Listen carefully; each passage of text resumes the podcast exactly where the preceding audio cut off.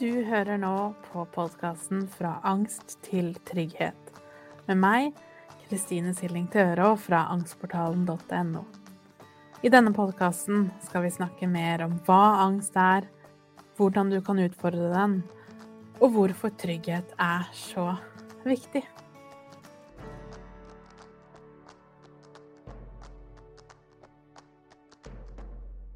Hei og velkommen til episode nummer 14, hvor vi skal snakke om helseangst. Så det vi skal gjennom i dag, det er rett og slett hva er helseangst? Både for deg selv, og hvis du kanskje hører på denne fordi du er pårørende. Sånn at vi skal få litt mer innsikt i hva det egentlig dreier seg om. Vi skal snakke om vanlige opplevelser med helseangst, altså hvordan det føles. Og så skal jeg snakke litt om veien ut av det. Så for å starte først med hva er altså helseangst eller hypokondri? Eh, helseangst, som er det ordet jeg velger å bruke, fordi jeg syns det er litt nærmere heller enn hypokondri, som jeg føler kanskje lett kan misforstås. Men altså helseangst, det er jo en overdreven frykt for at du har en skummel sykdom, du kommer til å få det, eller at vi tolker symptomer i kroppen som kanskje rent objektivt er helt normale, til å bety noe stort og farlig. Og som regel da så har de fleste av oss med helseangst, og jeg sier oss fordi jeg også selv har en ganske lang historie egentlig med helseangst, som jeg også har lyst til å snakke litt om snart. Eh, men i hvert fall så er det jo sånn at vi med helseangst, vi har jo også en tendens til å på en måte ringe oss rundt et par diagnoser. Så det er ikke sånn at vi går rundt og er redd for alt, men gjerne kanskje noen, noen få hoveddiagnoser som de fleste av oss er redd for. Uh, og sånn rent generelt så handler det for det meste om uh, sykdom som kreft, hjertesykdom, slag. Uh, sykdommer som er farlige, skremmende og ja, kjempeskumle i møte med, og som vi kanskje også ikke har all verdens kunnskap om. Og kanskje også derfor eh, tolker vi symptomer fra kroppen veldig dit hen. Så helseangst, kanskje i motsetning til hva mange tror, er en, at vi faktisk føler symptomene i kroppen selv. Og derav blir vi redd for en eller annen sykdom. Så vi på en måte overtolker kroppens signaler. Så det er ikke sånn at vi finner på symptomer, eller at vi på en måte tenker oss til det. Men i de aller fleste tilfeller så starter det jo med et symptom du faktisk kjenner. Det er jo bare det at veien er ganske lang fra det symptomet vi kjenner, til den faktiske sykdommen. Og dette gjør vi jo fordi eh, fordi vi er utrygge fordi vi føler vi ikke har kontroll. Og det er kanskje få ting vi har så lite kontroll over som egen helse. Om du får kreft eller ikke, det har vi stort sett ingen kontroll over. Selvfølgelig med visse unntak, men sånn i det store og det hele. Vi kan ikke vite om det vil skje. Og derfor er det jo heller ikke egentlig så rart at vi går og er så redd for det. Så når vi da har litt vondt i magen, eller vi har eh, plutselig slår hjertet veldig hardt, eller vi har mye vondt i hodet, det er mye svimmel, liksom, helt vanlige symptomer på angst, så er det jo da ikke så rart at hodet vårt med en gang går rett til det verst tenkelige. Fordi vi har en slags opplevelse av at vi vil være forberedt. Så jeg må skynde meg til legen, sånn at jeg kan få en diagnose på dette og få hjelp fortest mulig. Det er jo litt av driven i det. ikke sant? Og så går vi til legen, og så får vi som regel en beskjed om at dette her er enten et eller annet helt normalt, det er et angstsymptom, eller det er fordi du er litt stressa, eller det er et eller annet annet som ikke er farlig i det hele tatt, og som lett kan behandles. Og da etter legetimen så føler vi oss gjerne veldig lette. Kanskje nesten litt euforiske. Som om nærmest liv, vi har fått liv i gave. Fordi vi gikk inn til legen med virkelig tanker om at nå kommer jeg til å få den tunge beskjeden. Og så får vi beskjed om at dette her er jo egentlig ingenting. Og så er vi fulle av glede etterpå. Men det varer jo som regel ganske kort. For da begynner jo igjen tankene. Forklarte jeg dette riktig? Glemte jeg å si den ene tingen? Og hva hvis den ene tingen gjør at legen mistolka det jeg følte? Så vi begynner å sette spørsmålstegn ved legen sine evner til å eh, sette diagnose eller til å forstå kroppen, og legger det veldig på oss selv at jeg sikkert sa ting litt feil, og det gjør at jeg nå egentlig har kreft allikevel. Eh, men at legen bare ikke skjønte det fordi jeg sa noe feil. Høres det kjent ut? I Avgangsportalen så har vi hatt flere samtaler om dette. Vi har bl.a. hatt en legebesøk som har, på besøk som har snakket om dette. Vi har også en terapeut som eh, er sykepleier i bunn, også gestaltterapeut og traumeterapeut. Og de har begge snakket mye om det her. Så hvis du vil lære mer av det, så anbefaler jeg deg virkelig å finne de videoene. De finner du i Facebook-gruppa for medlemmer. Men så hvordan oppleves det? For jeg forstår veldig godt for noen utenfor, altså utenfor den personen som har helseangst, så gir det ikke så mye mening. F.eks. at et lite hudutslett kan føre til panikkanfall, eller at du har vondt i hodet, at du er litt svimmel, at du har et eller annet symptom som plutselig blir veldig voldsomt. Da er det ikke så rart at det er vanskelig å forstå når du står utenfor og kanskje har litt mer den logiske hjernen eh, på plass. Når vi har angst som kjent, så er jo det noe av det første som forsvinner. Så vi blir bare stående alene med reaksjonene våre og frykten vår, tankene som løper løpsk. Og da føles det jo faktisk som at jeg skal dø. Eller at jeg kommer til å få beskjed om at jeg skal dø. Og det igjen er så sterkt for veldig mange at man ikke engang tør å gå til legen. Fordi man er så overbevist om at legen skal fortelle deg at du har en uke igjen å leve. At du skal få en helt forferdelig melding. Så du til og med unngår det å få hjelp. Og prøv da å sette deg litt inn i det, hvis ikke du har stått akkurat i den situasjonen før. Hvor ekstremt vondt og slitsomt og energikrevende det faktisk er. For andre, og da jeg er i den gruppen, som da går litt motsatt vei, og heller da går hele tiden til legen føler seg som en byrde, føler seg dum, fordi at selv om vi har alle disse følelsene og tankene, så har vi også en sånn bevissthet om at åh, dette er litt overdrevent, eller dette her er ikke helt sant. Eh, men vi klarer ikke helt å stoppe oss, og det er helt, helt normalt. Så allikevel da, så går vi til legen, og for meg så var det sånn i i, rundt 2015-2016 at jeg i starten var nærmest hver dag hos legen. I hvert fall flere ganger i uka og for ganske lang tid. Fordi det alltid var noe. Jeg var alltid livredd. Følte da den euforien eller den lettelsen i etterkant. Men så gikk det ikke kanskje noen ganger bare noen timer før tvilen meldte seg igjen. Og i en sånn evig syklus som bare blir verre og verre. Fordi man hele tiden må sjekke og man hele tiden blir letta, og så etter hvert skuffa og tvilende. Og det opprettholder angsten og gjør gjerne at det blir verre og verre. Da er det også vanlig at symptomene vi kjenner, vil endre seg. Eh, F.eks. hvis det har dreid seg mye om at du har vært svimmel, og du har vært veldig redd for det. Og så har du jobbet mye med svimmelheten, eh, sånn at du nå ikke er redd når du blir svimmel, så er det ganske vanlig at kroppen finner en annen symptom som kan føre til mer frykt. For som jeg snakket om tidligere, hjernen din vil jo redde deg. Hjernen din vil at du skal gå til legen, fordi det er det som er trygt. Og så med å få behandling, sånn at jeg ikke dør.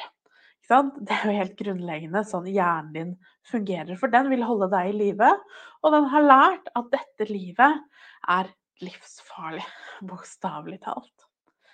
Så jeg må være på vakt, jeg må sjekke kroppen min, jeg må sjekke huden min, jeg må sjekke blodtrykk, jeg må sjekke puls. Jeg må sjekke at alt er på stell. Så når vi da begynner å ta igjen kroppen litt på det her, og begynne å stille litt spørsmål, og begynne å ta med oss litt logikken inn, så er det veldig vanlig at da hjernen finner nye veier. Og kanskje da plutselig har du mye vondt i magen, du føler deg litt ustø. Eh, du har litt uvirkelighetsfølelse. Andre symptomer som skaper frykt. Fordi at hvis hjernen din skaper frykt i kroppen din, så vil du jo også handle. Så du vil gå til, gå til legen. Det er jo det, som sagt, som er syklusen. Så når vi da skal jobbe oss ut av helseangsten, så er det et par ting som vil hjelpe. Nummer én er jo å vite at det alltid er noe som ligger bak denne angsten. Og for noen selvsagt så kan det være helt konkrete ting. At du har hatt en, eh, en traumatisk episode med sykdom i familien. Kanskje du har hatt en diagnose. Spørsmål eller tema som ofte blir tatt opp i spørretimer i Angstportalen, er f.eks. at du har hatt et kraftig eh, migreneanfall, epilepsi, og naturlig da er redd for at det skal eh, skje igjen. Så det er ganske, eller i hvert fall relativt sannsynlig at noe skal skje, som da skiller seg litt fra den andre type helseangst som vi snakket om i stad. Hvor det er mer tenkt sykdom som ikke nødvendigvis er spesielt logisk at skal skje. Eh, og begge deler er like reelle. Begge deler er like naturlige, men bak det så ligger det jo en, en iboende frykt. Et tap av kontroll og en utrygghet som er ekstremt krevende å stå i. Så det da å syke, eh, søke informasjon, spesielt hvis du er den gruppa som har opplevd en konkret hendelse som trigga eh, helseangsten. Det da å søke informasjon om den tilstanden eller sykdommen du har, sånn at vi kan skille hva er angst, og hva er faktiske symptomer. Hvordan kan jeg vite forskjellen?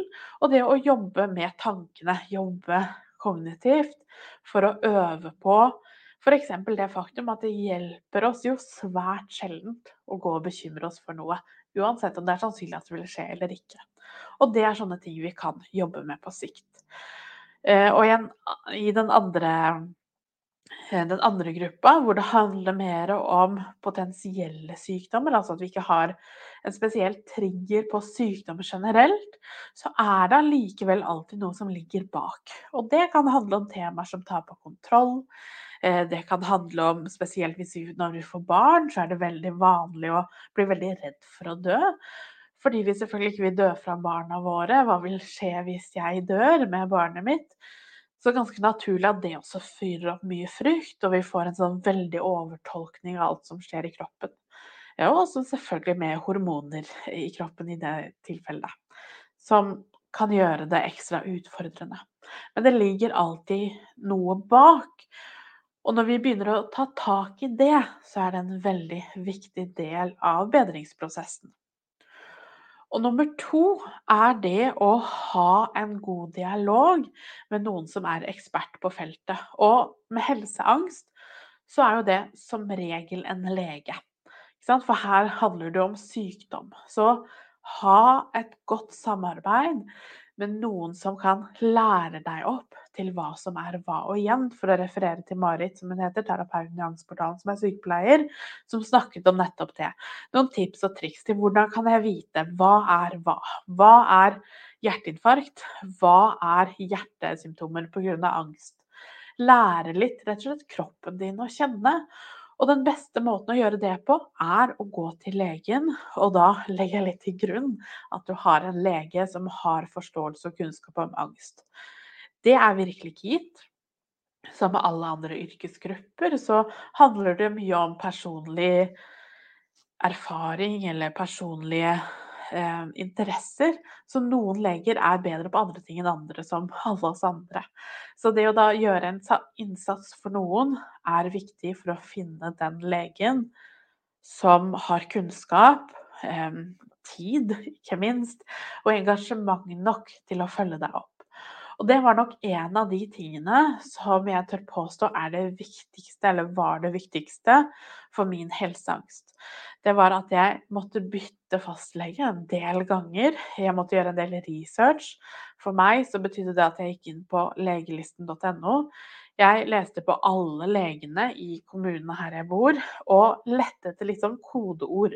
For der kan man jo skrive inn eh, hva man synes om den enkelte legen. Og lette da etter leger hvor folk hadde skrevet noe som handlet om psykisk helse, angst osv. Eh, at de, legen var god til å lytte, tok meg på alvor, eh, hadde god tid, alle sånne ting. For å finne de som var gode kandidater. Og da sto jeg ganske lenge på venteliste hos hun jeg til slutt fikk, som var vel verdt det. For det å da få for første gang en god relasjon til en lege som over tid kunne følge meg opp, det gjorde at jeg lærte enormt mye om den fysiske kroppen min, hvordan ting henger sammen. Eh, for det er klart, angsten er basert på enormt mye synsing, og det er veldig lite vi egentlig vet om kroppen og, og, funksjoner og hva som egentlig skjer, som jo gjør at det er desto større muligheter for at angsten drar av gårde med oss.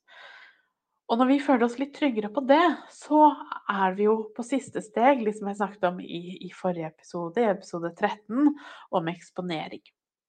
Det å øve på å utsette oss selv for det vi er mest redd for. Og når det kommer til helseangst, så er det som regel det å komme for sent til legen, det å ikke vite hva det symptomet handler om, som er eksponeringa. Så sagt på en annen måte ikke gå til legen. Ikke google, ikke sjekke. Men den letteste måten å gjøre det for oss selv, for de aller fleste av oss, er jo som alltid å gå sakte frem. Og det er jo derfor den relasjonen til legen er så ekstremt viktig.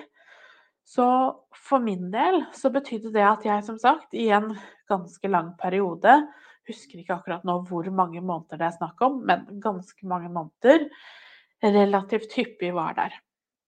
Etter hvert så bestemte vi oss sammen for at vi skulle sette faste tider. Så etter hvert ble det annenhver uke. Og da hadde jeg den timen som sto på papiret. Jobben min i de to ukene var å skrive ned symptomet jeg lurte på. På en måte notere at OK, der er det symptomet. Jeg skal ikke gjøre noe med det nå. Det kan jeg ta opp når jeg skal til legen om to uker. Etter hvert så flytta vi den timen til månedlig, så annenhver måned, osv. Hvor nå så har jeg ingen, ingen avtaler, og har ikke hatt det på i hvert fall et par år eller noe sånt. Eh, sånn at vi gradvis går igjennom dette her. Fordi ja, selvfølgelig hadde det beste vært akkurat nå om du bare slutta å tenke på det. Slutta å sjekke. Men sannheten er jo at eh, sannsynligheten for at du får til det nå, den er ganske liten. Fordi angsten jobber så hardt. Med mindre vi har en F.eks. er i en, en eller annen form for eksponeringsterapi eller lignende som jo selvfølgelig da gjør at vi får oppfølging på en helt annen måte. Men de fleste av oss står jo ganske relativt, i hvert fall, alene i helseangsten. I hvert fall uten på en måte en fagperson med oss hele tiden. Og derfor er jo igjen det å gå sakte frem viktig. Gode relasjoner til en ekspert på området, og klart handler dette om f.eks. da en konkret sykdom du har hatt, epilepsi, kreft, en sykdom du er redd for skal dukke opp igjen, så handler jo da den eksperten du skal finne, er jo da eksperten på den sykdommen eller tilstanden du har. For å samle informasjon. Hva er sannsynlig her? Hva kommer til å skje? Hva kan jeg forvente meg? Eh, hvordan kan jeg vite at det jeg føler er stressrelatert? Eller faktisk tegn på at noe er i gjære. Når burde jeg gå til legen? Alle sånne spørsmål de må vi både overlate til ekspertene å svare på. Angsten vår er langt ifra noen ekspert på disse temaene her, og har da heller ikke mm, stemmerett. Ikke sant? Overlate det til de som kan det. Eh, og dette snakker jo også Du har helt sikkert hørt om Ingvar Wilhelmsen.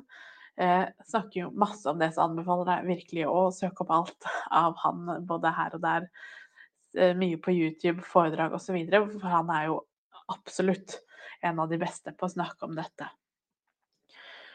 Så helseangst, for å oppsummere, handler om en overdreven frykt til at noe kommer til å skje.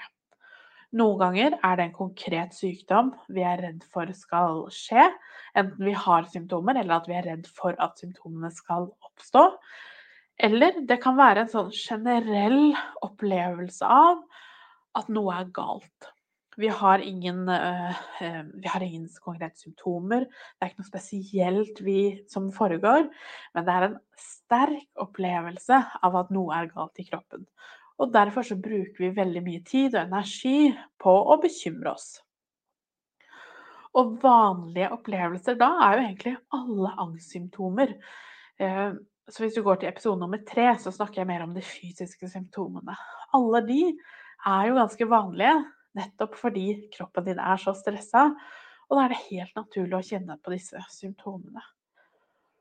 Og veien ut av det handler jo om flere aspekter. Det handler om å forstå hvor kommer denne frykten fra. Hvorfor er det sånn at akkurat du har hengt deg opp i akkurat dette, og ikke helt klarer å finne veien ut?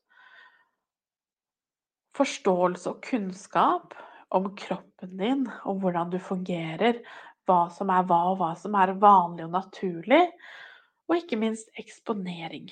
Kognitiv terapi. Jobbe med tankene. Eh, jobbe med å utsette sjekking. Både at du selv sjekker kroppen, eller at du går til legen og sjekker. Og da som sagt, det beste stedet å henvende deg er fastlegen din når det kommer til helseangst. Fordi at fastlegen naturlig nok er den nærmeste eksperten vi har på, på kroppen vår. Og hvis det handler om andre måte, mer spesialfelt, så er jo også fastlegen sted å starte, som kan henvise deg til andre steder.